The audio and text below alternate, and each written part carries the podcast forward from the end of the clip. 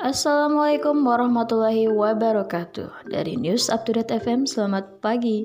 Kembali lagi bersama saya Nur Hayati Merpaung Yang bakal nemenin kalian untuk beberapa menit ke depan Dengan berita-berita terbaru dan teraktual yang bisa Anda dapatkan. Di mana lagi kalau bukan di News Up to Date FM Berita utama, klaster terbaru COVID-19 usai acara Habib Rizik.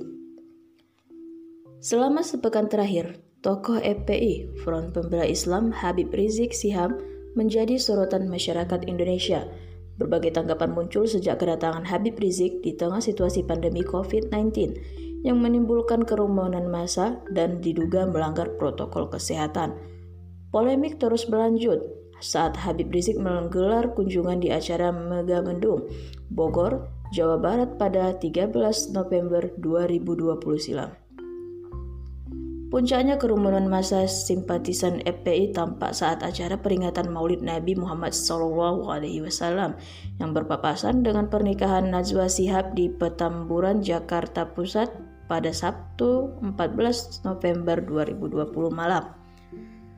Meski acara telah usai, masyarakat masih dihebohkan dengan dampak acara tersebut, yakni munculnya klaster terbaru COVID-19 di Petamburan. Seperti yang dilaporkan sebelumnya, terdapat puluhan warga sekitar yang terkonfirmasi positif COVID-19, termasuk lurah Kelurahan Petamburan. Polda Metro Jaya melakukan penyemprotan disinfektan di kawasan Petamburan, Jakarta Pusat sebagai langkah antisipasi. Berdasarkan pemantauan yang dilakukan pada Minggu 22 November 2020, polisi mengerahkan dua mobil water cannon untuk penyemprotan disinfektan di Jalan KS Tubun, Jakarta Pusat. Tidak hanya sekali mobil water cannon yang dikerahkan Polda Metro menyemprotkan cairan disinfektan, kurang lebih dari tiga kali putaran di sepanjang jalan tersebut. Sementara itu di hari yang sama layanan rapid test gratis juga disediakan bagi masyarakat sekitar yang bertempat di SDN 01 Petam. Irsyad Fadil mengatakan pihaknya tiba di lokasi sekitar pukul 16.30 waktu Indonesia Barat untuk melakukan pemantauan.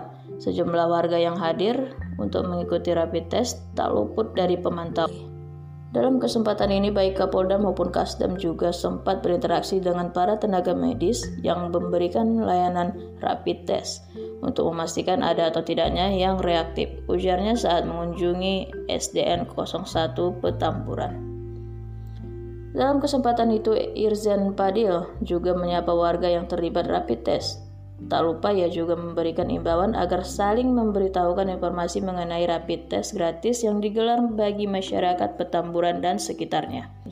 Selain meninjau pelaksanaan rapid test Kapolda Metro Jaya dan Kasdam Jaya juga memberikan sembako kepada warga sekitar yang telah mengikuti rapid test gratis. Sekian berita up to date hari ini. Nantikan berita-berita terupdate lainnya hanya di News Up to Date FM. Saya Nur Hayati Marpaung undur diri. Wassalamualaikum warahmatullahi wabarakatuh.